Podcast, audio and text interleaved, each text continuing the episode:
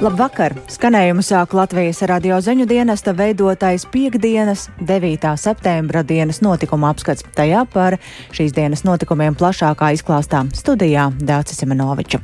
Un sāksim ar nelielu ieskatu raidījumā. Britu monarhijas tronī kāps, gāpis Elizabetes otrās dēls Čārls. Tikmēr Briti sēro par karalienes aiziešanu mūžībā.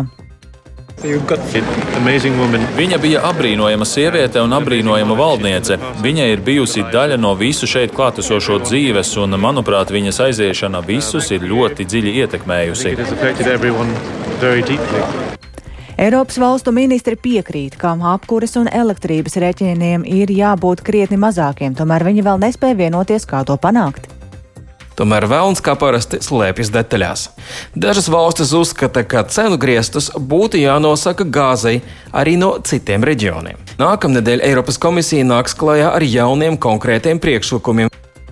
Un dots starts pieteikties ceturtajai covid vakcīnai. Tā ir pielāgota pret jaunākajiem paveidiem, bet obligāta nebūšot. Taču līdz ar labajām ziņām par pielāgotām vakcīnām sako arī netik labas. Pēdējās dienās vairs nekrītas saslimstības ar covid rādītāji.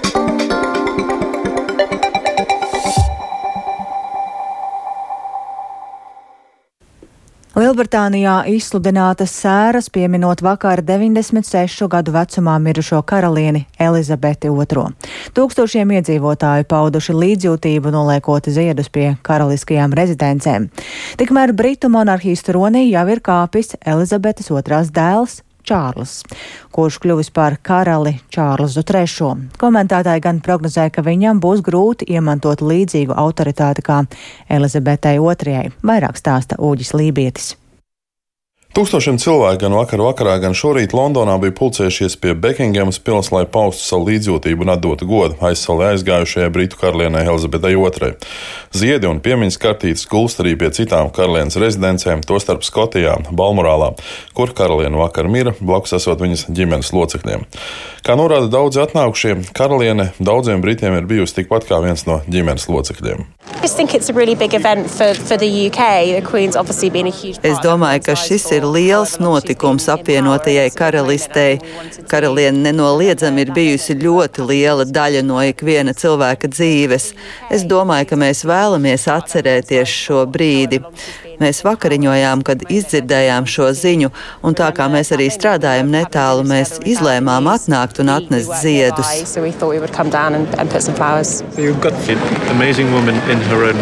Viņa bija apbrīnojama sieviete un apbrīnojama valdniece. Viņa ir bijusi daļa no visu šeit klātesošo dzīves, un, manuprāt, viņas aiziešana visus ir ļoti dziļi ietekmējusi. And, America, so es dzirdēju, ka karaliene ir mirusi. Mēs esam no Amerikas un neesam anglietes, taču mēs zinām, ka viņa ir valdījusi tik ilgi un bijusi tik nozīmīga persona pasaules vēsturē, tāpēc mēs gribējām viņu godināt ar kaut ko vienkāršu un mazu. We came down here immediately once we'd heard the news. Mēs atbraucām šurp, līdz ko izdzirdējām šo ziņu. Tāpēc, ka ir iespējams justies tuvāk pārējiem un rast vismaz nelielu mierinājumu. Atklāti runājot, sajūtas ir tādas, it kā būtu zaudēts ģimenes loceklis. Komentētāji jau norāda, ka Čārlzam, kurš uz troni ir gaidījis gandrīz 70 gadu, nebūs viegli sekot savas mātes pēdās, jo atšķirībā no karalienes, kuras darbība pozitīvi vērtē gandrīz 80% britu, Čārlza darbību pozitīvi vērtē aptuveni puse no iedzīvotājiem. Čārlis ir pazīstams ar dažādiem saviem komentāriem par ļoti plašu tēmu loku, un pēdējā laikā viņš īpaši aktīvs ir bijis vidas aizstāvības jomā. Tagad visticamāk dalība šādās kampaņās būs jāpārtrauc vai ievērojami jāierobežo, jo karalim ir jāievēro neutralitāte. Viens no jautājumiem, kur šī neutralitātes ievērošana varētu būt visizaicinošākā, ir Skotijas neatkarība. Tāpat liela uzmanība būs jāpievērš tam, kā saturēt kopā vairāk nekā 50 valstu lielo britu sadraudzību. Tā kā pagājušajā gadā no monarhijas atteicās Barbados, tiek prognozēts, ka šim piemēram varētu sekot arī citas valstis. Republikāņu ideja aizstāvi netrūks ne Austrālijā, ne Jaunzēlandē. Turklāt pašā Lielbritānijā arī ir izvērsta kampaņa par atteikšanos no monarhijas. Uģis Lībijams, Latvijas radio. Arī Rīgā pie Lielbritānijas vēstniecības gulst ziedi pieminot karalieni. Pārsteigums un līdzjūtība tā Latvijas radio sacīja cilvēki runājot par savām sajūtām. Nu, žēl, mazliet šoks. It kā jau viņa bija cienījama sieviete gados. Bija sajūta, ka karaliene būs mūžīga. Kaut arī tā nav mūsu valsts karaliene, tomēr viņa ir tāds etalons noteikti visai pasaulē. Un skumji par šo notikumu, bet ļoti skaists un ražīgs mūžs nodzīvots. Ah, šoks! Tas bija pilnībā negaidīti, ka viņa nomira. Vienmēr bija tāds, ka viņa vienkārši, visu, vienkārši nenomirs. Protams, bēdīgs notikums. Um, tomēr viņa ļoti ilgi bija Anglijas karaliene, valdīja. Um, bet um, tāda ir dzīve. Kas jūsuprāt mainīsies pasaulē un tā skaitā arī Latvijā? Es neesmu droši, kā tieši tas varbūt Latviju ietekmēs, bet nu, katrā ziņā Čārlim būs ļoti grūts uzdevums sekot savas mātes pēdām un būt tikpat harizmātiskam karalim, kā viņa bija karaliene. Man liekas, ka nelaba puse. Īsti nezinu. Nē, nu, protams, ka viņas tēvs pārņems visus procesus, nu, diplomātiskos. Nu, tas būs manāms, bet man liekas, ka kādu laiku nebūs īsti manām uh, maiņa. Es nedomāju, ka kaut kas ļoti mainīsies. Es tam neticu. Grūti par to spriest. Es neinteresējos par politiku tik ļoti. Ja godīgi, tad tas ir slikti. Tāpēc, ka es mazliet militāro jomu pārzinu, žēl. Rakal Anglijas tajā parlamentā būs visādas problēmas. Un man nepatīk propaganda, ko pret Krieviju vērš.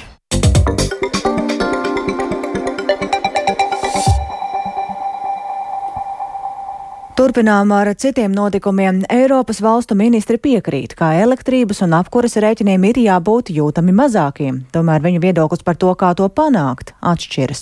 Tas ir viens no galvenajiem secinājumiem pēc šodien Briselē notikušās šīs nozares ministru sanāksmes no 27 bloka valstīm. Un sagaidāms, ka nākamnedēļ Eiropas komisija nāks klajā ar jauniem konkrētiem soļiem. Un plašāk par šīs dienas sanāksmi stāsta mūsu Briseles korespondents Arķoms Konohaus.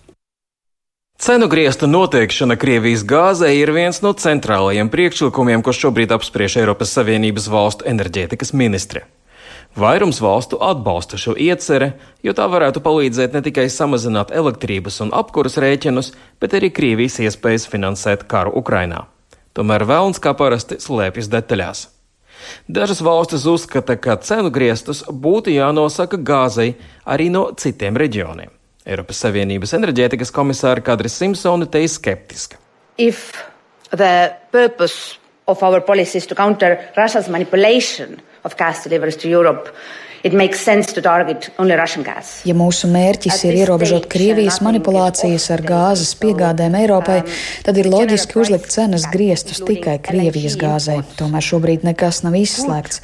Bet vispārējie cenu griesti, kas ietvertu arī sašķidrināto dabasgāzi, varētu radīt piegāžu drošības riskus. Sašķidrinātās dabasgāzes tirgus ir globāls, un mēs neesam starp tiem lielākajiem klientiem. Šajā tirgu pastāv spēcīga konkurence. Šobrīd ir svarīgi, lai mēs varētu varētu aizstāt Krievijas gāzi, kuras apjomi turpina samazināties ar citiem piegādātājiem. Tomēr Beļģijas enerģētikas ministre Tinne van der Streitena ir optimistiski noskaņota, ka vienošanos var panākt. Viņas valsts kopā ar Poliju un Luksemburgu atbalsta cenu griestu ieviešanu Krievijas gāzei. Fact, uh, uh, um, es domāju, ka mēs visi piekrītam, ka mūsu iedzīvotāji un uzņēmēji cieš no kara un augstām enerģētikas cenām. Protams, ka mums atšķiras viedokļi tehniskajos jautājumos, piemēram, par to, kā ieviest cenas griestus gāzei vai kā mazināt piegāžu drošības riskus, bet tie ir tehniskie jautājumi, ko var atrisināt daudzie Eiropas komisijas eksperti. Par maksimālās cenas noteikšanu Krievijas gāzei un naftai iestājas arī lielās septītnieka valstis. Turpretī Maskava ir paziņojusi, ka negrasās pārdot gāzi valstīm, kas noteiks jebkādus griestus. Kaut gan tam vairs nav tik lielas nozīmes, jo Krievijas gāze veido tikai 9% no kopējā apjoma Eiropā. Pirms kara tie bija 40%. Aktīvi tiek runāts arī par gāzes un elektrības patēriņa samazināšanu, it sevišķi pīķu stundās. Luksemburgas enerģētikas ministrs Klots Turmēs uzskata, ka tam ir tehniskie risinājumi. Viņš arī piedāvāja pievērst uzmanību Eiropā izvietotajiem datu centriem. Then, course, uh, ja mēs prasām iedzīvotājiem samazināt temperatūru savos mājokļos, kāpēc gan mēs nevarētu paprasīt datu centriem visā Eiropā atdzesēt savas telpas? Nevis līdz 18 vai 19 grādiem, kas nav vajadzīgs, bet gan turēt temperatūru 24, 25 grādu robežās. Tas ļautu ietaupīt piecas reizes vairāk elektrības nekā tas, ko patērē visa Luksemburga. Ir sagaidāms, ka nākamnedēļ Eiropas komisija nāks klajā ar jauniem konkrētiem priekšlikumiem elektrības un gāzes cenu mazināšanai. Tostarp tiks piedāvāts atsaistīt gāzes un elektrības cenas, mainot cenas aprēķinu formulu. Arcims Konahavs Latvijas Rādio Briselē. Un bažīgi par nākotni ir Eiropas putnu kopības uzņēmumi, jo energoresursu un barības izēvielas krīzes dēļ ir apgrūtināta to darbība. Latvijas apvienotās putnu kopības asociācijas vadītāja Anna Ērliha stāsta, ka šodien Rīgā pulcējās ap 200 putnu kopības nozares uzņēmēju un ekspertu no visas Eiropas, kuri ģenerāla asamblējā aktualizēja nozares problēmas un negatīvās sekas, ja krīzē nebūs risinājuma. Izklausīsies iespējams skarbi, bet sekas var būt tādas, ka putnkopības nozarē nodarbinātie paliek bez darba. Mēs kā ikdienas patērētāji paliekam bez produktiem, jo uzņēmumi pavisam vienkārši nespēja norēķināties par energoresursiem un turpināt savu darbu. Pirmie risinājumi, ko mēs redzam, ir dažādi atbalsta instrumenti, lai ļoti steidzīgā kārtā ieviestu alternatīvus enerģijas iegūšanas veids, tie paši solārie paneļi, piemēram, bet, protams, ka tas nav izdarāms ne nedēļas, ne mēnešu laikā. Līdz tam brīdim, kamēr tiek atrasti uh, ilgtermiņa risinājumi, mēs ļoti ceram, uh, ka mūsu nozares saņems atbalstu, un mēs varētu turpināt ražot pārtiku un, un, un barot sabiedrību. Kopš februāra, kopš sākās viss šie notikumi Tāpat tās mums blakus kaimiņu valstīs ir Latvijā ir vairāki uzņēmumi, kas ir samazinājuši putnu skaitu un attiecīgi saražoto olu un saražoto gaļas daudzumu.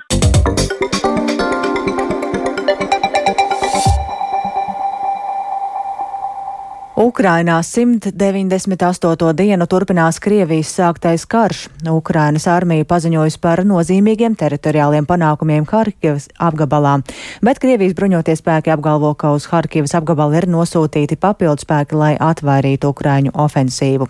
Tikmēr Startautiskās atomenerģijas aģentūras pārvaldnieku padome pieprasa Krievijai izvākt savu karaspēku no Ukrainas Zaporižas atomelektrostacijas, kas pēdējās nedēļās ir piedzīvojusi vairākas apšaudes. Turpina Uldis Česberis. Ukrainas bruņotie spēki turpina pretuzbrukuma operācijas gandrīz visas 1300 km garās frontes līnijas garumā. Valsts prezidents Volodimirs Zelenskis apgalvo, ka kopš 1. septembra valsts aizstāvjiem ir izdevies atkarot no iebrucējiem vairāk nekā 1000 km2 lielu teritoriju. Ukrainas drošības dienests paziņojis, ka armijai ir izdevies atgūt kontroli pār strateģiski nozīmīgo Balaklijas pilsētu Harkivas apgabalā. Savukārt Krievija ziņo, ka pie Balaklijas turpinās sīvas cīņas. Ukrainas bruņoto spēku ģenerālis ģenerālštābs ziņo, ka pēdējo trīs dienu laikā Harkivas apgabalā armijai ir izdevies pavirzīties uz priekšu aptuveni 50 km teritorijā, ko iepriekš bija okupējis Krievijas karaspēks. Krievijas valdības kontrolētie mediji vēsta, ka uz Harkivas apgabalu ir pārsviesti Krievijas armijas papildus spēki, lai apturētu Ukrāņu pretuzbrukumus. Nedroša situācija saglabājas okupētās Zaporīžas atomelektrostācijas apkaimē. Mediju rīcībā ir nonācis Startautiskās atomenerģijas aģentūras pārvaldnieku padomes dalībvalstu Polija Krievijas un Kanādas sagatavots rezolūcijas uzmetums, kurā Krievijai tiek pieprasīts pārtraukt militārās darbības Zaporīžas atomelektrostacijā un citos Ukrainas kodola objektos. Balsojums par rezolūcijas apstiprināšanu pārvaldnieku padomē paredzēts nākamnedēļ. Ukrainas armija domājams tuvāko 72 stundu laikā atbrīvos Harkivas apgabala Kopjansku, kas ievērojami iedragās Krievu apgādes maršrutus Ukrainas austrumos. Tā uzskata ASV Kara studiju institūts. Nacionālo bruņoto spēku kapteinis Jānis Slaidiņš uzsver, ka svarīga ir abu pušu gatavība un kaujas meistarība. Pašlaik izskatās, ka šis uzbrukums rīt uz priekšu, un, ja tas veiksmīgi attīstīsies, Krievijas spēkiem var rasties problēmas, ja Ukraina sasniegs šo apdzīvoto vietu Kupjanska, kas ir ļoti svarīgs Krievijas apgādes punkts un mezgls. Bet, protams, te ir jautājumi, jo redzams, ka Krievija mēģina reaģēt, viņi pievelk palīgu spēkus un galvenais uzdevums, vai Krievijas bruņoties spēki spēs nosprostot šīs Ukraiņu bruņoto spēku vienības un nodemonstrēt operatīvo mākslu. Ukraiņai savukārt galvenais jautājums, protams, vai viņi spēs uh, pietiekam uzturēt šo uzbrukumu jaudu, Tikmēr Krievijā sākusies iepriekšējā balsošana reģionālajās un pašvaldību vēlēšanās. Tās ir pirmās vēlēšanas valstī kopš Krievijas karaspēka iebrukumu Ukrainā pirms vairāk nekā pusgada. Pirms balsošanas nebija aktīvas priekšvēlēšanu kampaņas, jo Krievijā ir spēkā kara laika cenzūra, bet pazīstami opozīcijas politiķi ieslodzīti. Oficiālā vēlēšana diena ir svētdiena, un eksperti sagaida balsu viltošanu, lai nodrošinātu Kremlim lojālu kandidātu ievēlēšanu. Par to turpina Vendija. Marija Maslabojeva. Šajās vēlēšanās tiks ievēlēti gubernatori 14 reģionos un vietējie parlamenti 6 apgabalos, bet 12 reģionos, tostarp Maskavā, notiks pašvaldību vēlēšanas. Vēlēšanas norisināsies trīs dienas gan tiešsaistē, gan vēlēšanu iecirkņos, tāpēc ir bažas, ka opozīcijas pārstāvji nespēs piesaistīt neatkarīgus vēlēšanu novērotājus, lai novērstu balsu viltošanu. Eksperti norāda, ka šīs vēlēšanas visticamāk neradīs politiskas nērtības Kremlim, taču tās varētu parādīt sabiedrības noskaņojumu pēc Krievijas pilna apmēra iebrukuma Ukrainā.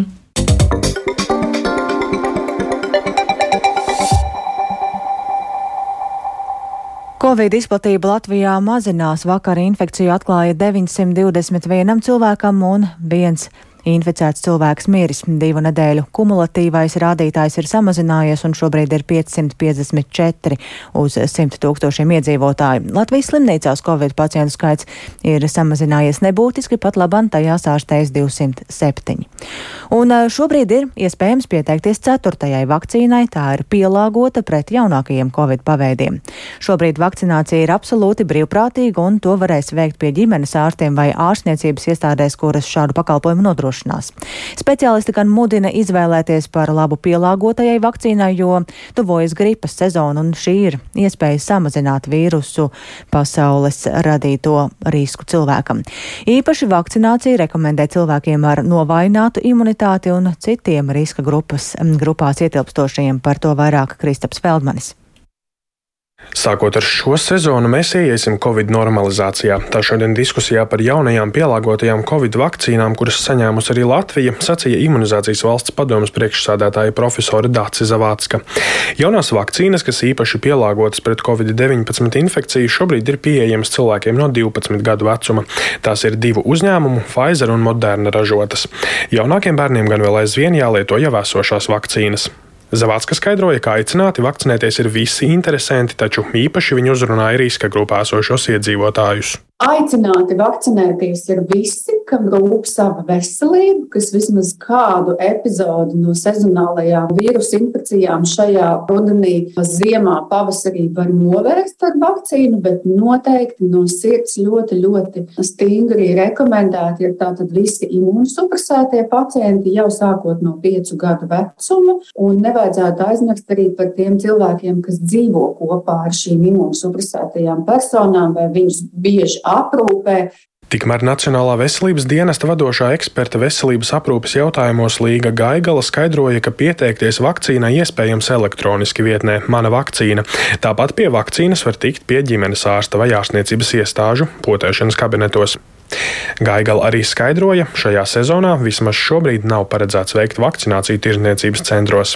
Atbalsts būs pieejams arī ģimenes ārstu praksēm, uz kuru pleciem vakcinācija lielā mērā gulsies. Un ģimenes ārsta praksēs, teiksim, arī ir vairāk tradicionāli, ka mēs zvanām šai ģimenes ārsta praksē, vienojamies par vakcinācijas laiku. Ģimenes ārsta praksēm ir arī nodrošināta tāda atbalsta mehānisma, lai viņi ar šo teiksim, darbu tiktu galā. Viņiem ir iespējas pieņemt trešo darbinieku, viņiem ir eh, pieejams pacientu saraksts, kurā viņi var skatīties, kad iedzīvotājs ir saņēmis pēdējo vakcīnu, kad ir slimos, lai labāk veiktu šo vakcinācijas plānu. Un, protams, ģimenes ārstu prakses būs tās, kas proaktīvi uzrunās tās augstākās riska grupas. Taču līdz ar labajām ziņām par pielāgotām vakcīnām sako arī netik labas. Pēdējās dienās vairs nekrītas saslimstības ar covid rādītāji. Par to informēja slimību profilakses un kontrolas centra infekcijas slimību riska analīzes un profilakses departamenta direktors Jurijs Perevoščikovs vairs nenotiek saslimstības samazinājums. Tad apmēram apstājas uz viena līmeņa. Katru dienu vidēji 700 cilvēki saslimst, un pozitīvo testu īpatsvars vairs arī nesamazinās apmēram katrs piektais paraugs satur vīrusu. Tas nozīmē, ka vīrusa izplatība joprojām ir ļoti augsta. Perevoščikovs atgādināja, ka vienreizēja saslimšana nenovērš iespēju saslimt atkārtoti, un šobrīd šādu gadījumu ir ļoti daudz. Tādēļ Perevoščikovs iesaka izmantot iespēju saņemt ceturto vakcīnu. Savukārt Nacionālā veselības dienesta pārstāve Līga Gaigala atgādināja, senioriem arī šajā sezonā būs iespējams pieteikt vakcināciju mājās. Kristaps Feldmanis, Latvijas radio.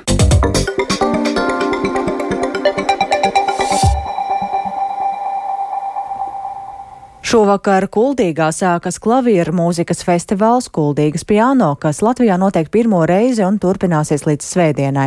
Festivāla laikā skanēs dažādu žanru un laikmetu mūzika, notiks jauno pianistu meistarklases un citi ar mūziku un mākslu saistīti pasākumi. Festivālu ar savu solo koncertu Dunas kvartāla koncertzālē šodien atklāja festivāla idejas autors, mākslinieckais vadītājs un pianists Dainis Tēnis. Pianists uzsver, ka festivāla iecere ir iepazīstināt klausītājus ar klavieru mūzikas daudzpusību. Kuldīgi piano ir pavisam jauns mūzikas festivāls Latvijā. Manuprāt, ne tikai Latvijā, bet arī Eiropā. Tāpēc, ka šāda tipa festivāls, kur uh, klavieres galvenajā lomā, kurš nav akadēmiskās mūzikas festivāls ne Latvijā, ne Eiropā, nav. Mūsu festivāla organizatoru galvenā ideja un uh, vēlme ir šo festivālu uztaisīt par tādu ikgadēju pasākumu klavieru mīļotājiem. To mēs cenšamies panākt ar mūsu festivāla žanriskumu. Cenšamies parādīt klavierus no pilnīgi jauna skatījuma, no neierastākām koncertu zālēm, koncertu vietām, kur tiek noliktas klavieres. Mēs izmantojam principā nedzirdētus, arī neredzētus žanrus. Kā piemēram mūsu šī gada galvenais mākslinieks ir itāļu pianists Fabricio Rat, kurš uzstāsies angārā un atskaņos eh, tehnomūziku uz akustiskām klavierēm. Un tas viss būs pa īstam un izskatīsies kā īstā reiva pasākumā.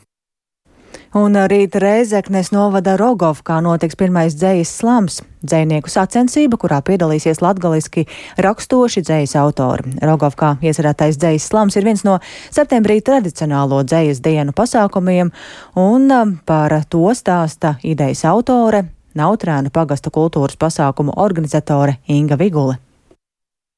Te sacensība notiks vairākos kortos, kur uh, katram dzīsnīkam ir jāsagatavo savi trīs vēl nepublicēti darbi latviešu valodā. Pirmajā kortā katrs lasa vīnu savu dzējuli, un pēc tos kortas notiek uh, gan žūrejas, gan skatītāju balsojums, pēc kuro top skaidrs tī pīci labākie. Un uh, atkal pīzdalos otrajā kortā, ielasa savu otru dzējuli. Un pēc tam jau atkal notiek balsojums, un pēc tam trešajā kortā izavirzos treis, no kuriem tad arī tiek noskaidrots tas uzvarētojs dzējas dīnu slama. O, un būs arī tāda intriga, kāds saklosīs viņa dzējnieks, kurīs e, līdz šam ir rakstījis zem pseidonima Miglojas.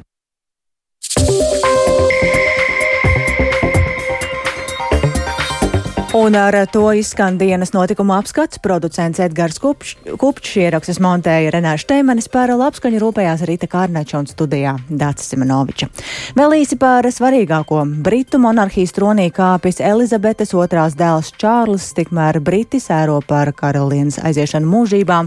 Eiropas valstu ministri piekrīt, ka apkuras un elektrības rēķiniem ir jābūt krietni mazākiem, tomēr viņi vēl nespēja vienoties, kā to panākt. Un dots starts pieteikties ceturtajai Covid vakcīnai. Tā ir pielāgota pret jaunākajiem paveidiem, bet obligāta nebūšot. Mūsu ziņām, kā ierasts, var sekot līdzi arī Latvijas Radio 1 Facebook lapā, tāpat arī sabiedrisko mediju ziņu portālā LSMLV. Radījuma atkārtojums ir meklējams arī raidierakstu platformā kā dienas ziņas un ir pieejama arī Latvijas radio mobilā lietotne.